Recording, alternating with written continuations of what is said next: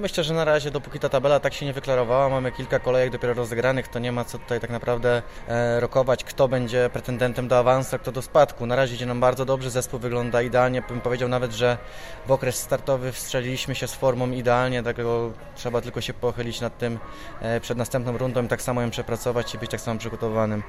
Patrząc na przeciwnika, myślę, że każdy, patrząc na spadkowicza drugoligowego, myślał, że to będzie naprawdę srogie lanie e, w każdym meczu i to będą bezwzględnym liderem, natomiast punkty gubią, gdzieś, gdzieś coś nie do końca gra, mimo tego, że zespół jest, jeżeli chodzi o personalia, bardzo dobrze zbudowany, natomiast w ostatnich dniach zmienił się trener w Polkowicach, także myślę, że to może bardzo dużo pozmieniać.